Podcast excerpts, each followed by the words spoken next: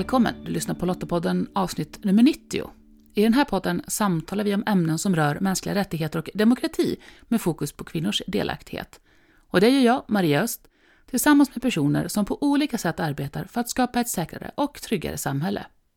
Lottapodden den är producerad av Svenska Lottakåren och vi är en frivillig försvarsorganisation som engagerar och utbildar kvinnor för att stärka samhällets krisberedskap och totalförsvaret.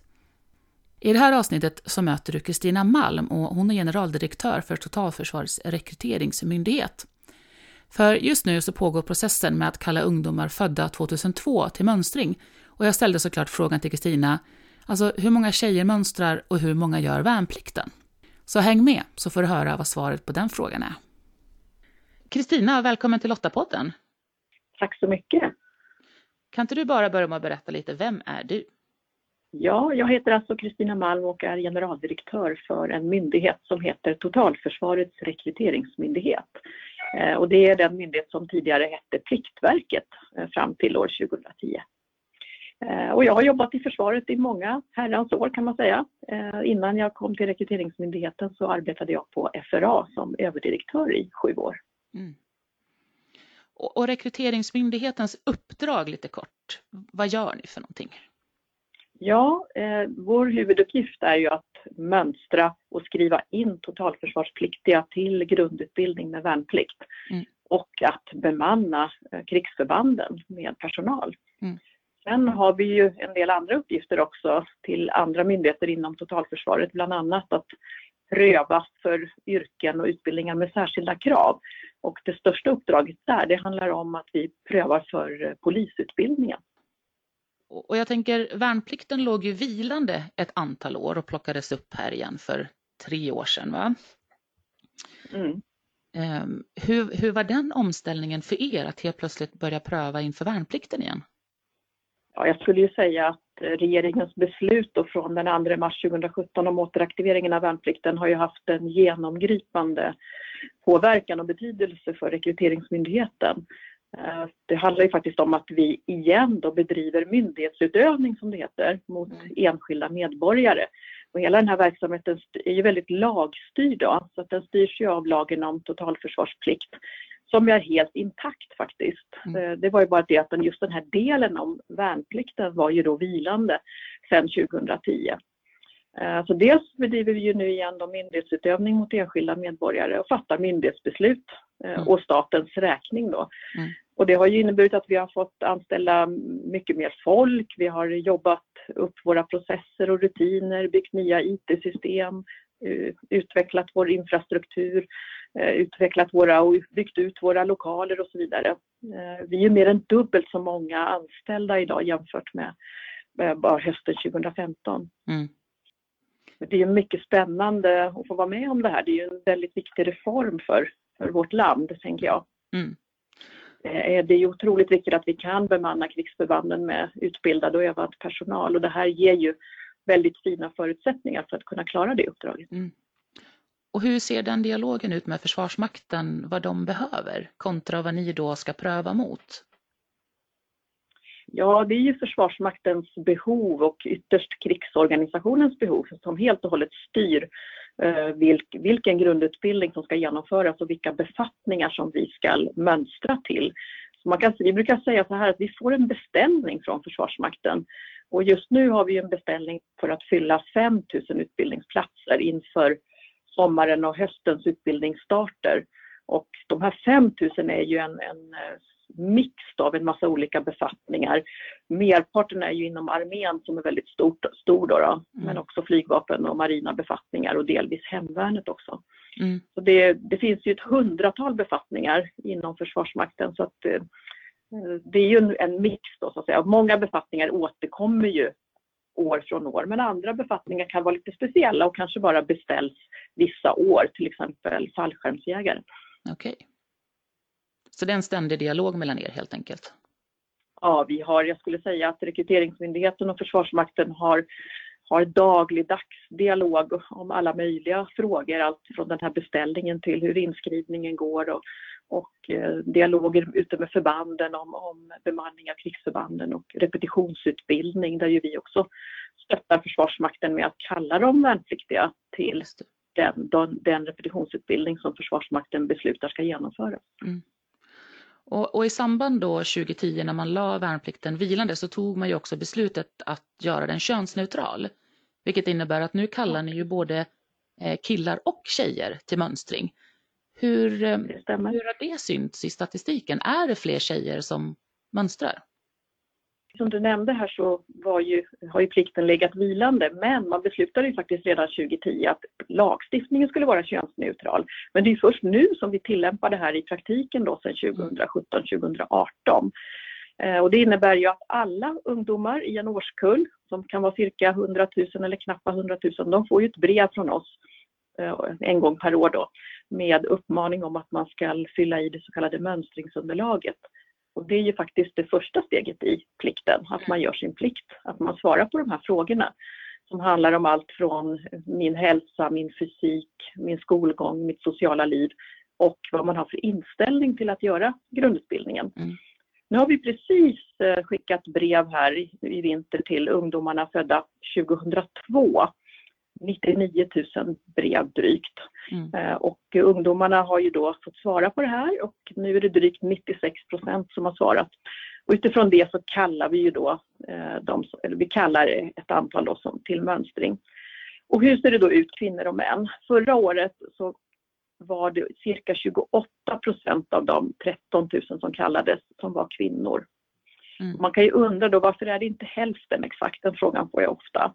Eh, och det har faktiskt att göra med eh, den här frågan om man är intresserad av att göra grundutbildningen eller, eller inte. Mm. Där ser vi väldigt tydligt att män fortfarande i högre utsträckning än kvinnor är intresserade av att göra grundutbildningen. Det kan vi se i de här svaren. Mm. Men vi har också sett en utveckling eh, att för varje år som går så är det, är det några procent fler kvinnor som kallas till mönstring och när det gäller de som sedan gör värnplikten så har vi ju just nu 17 eh, procent av de som gör grundutbildningen är kvinnor. Det kan jämföras med snittet under frivilligtiden som var 13 procent. Vi ser ju att det händer någonting här mm. Eh, som är väldigt positivt. Mm. Och har det gjorts någon utredning eller fundering kring just varför det är så mycket färre kvinnor som då inte ställer sig positiva till att göra värnplikten? Jag känner inte till någon särskild utredning eller analys av detta eh, som har gjorts än så länge.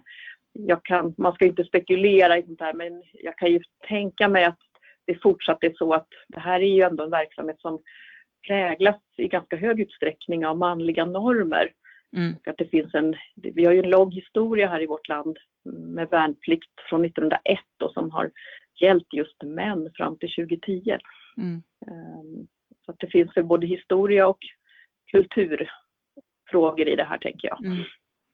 Jag tänker kan det finnas aspekter också kring de krav som ställs på en viss eh, befattning? Att det kanske behöver justeras för, eh, ja jag, vet, jag tänker att det kanske har eh, ändrats över tid vad befattningen egentligen kräver eh, och kanske också då för att kvinnor ska ha lättare att kunna eh, kliva in på en befattning.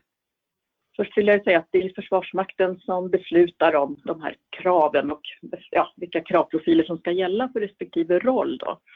Men eh, med detta sagt så är det väl viktigt att i alla verksamheter att man ser över eh, sin verksamhet och behoven. Är det samma behov idag på, när det gäller kraven som det var för fem eller tio år sedan? Är det samma kontext?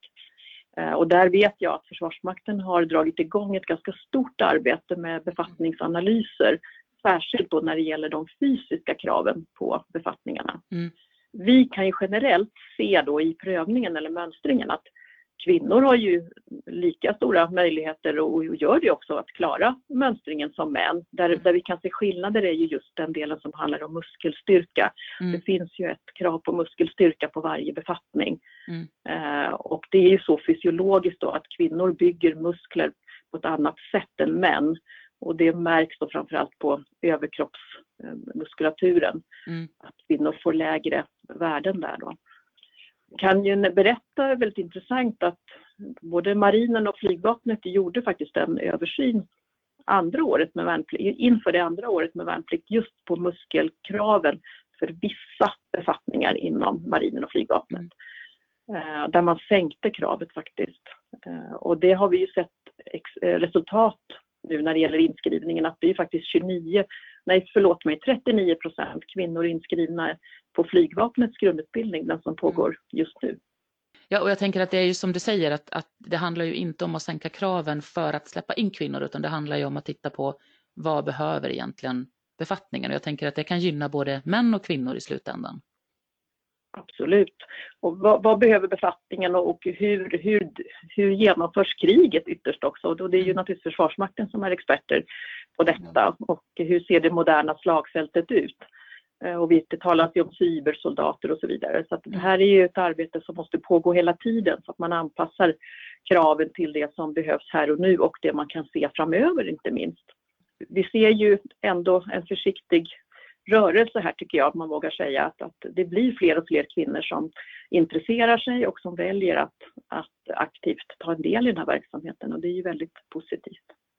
Ja, och jag tänker det, håll, det hänger ju dels säkert ihop med det som du sa. Det är traditionellt en väldigt manlig arena eh, och fler och fler kvinnor behöver ju komma i kontakt med och, och kanske också se mm. eh, att det är fler och fler kvinnor som gör värnplikten så att man inte känner sig ensam och utsatt utan att det finns en miljö där, där både män och kvinnor utvecklas tillsammans.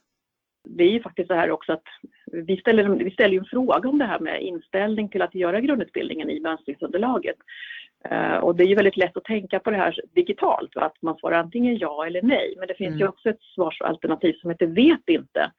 Och att mm. svara vet inte kan ju vara alldeles väldigt sunt, tänker jag, därför att mm. de här ungdomarna är 17-18 år och kanske aldrig har varit i kontakt med den här verksamheten.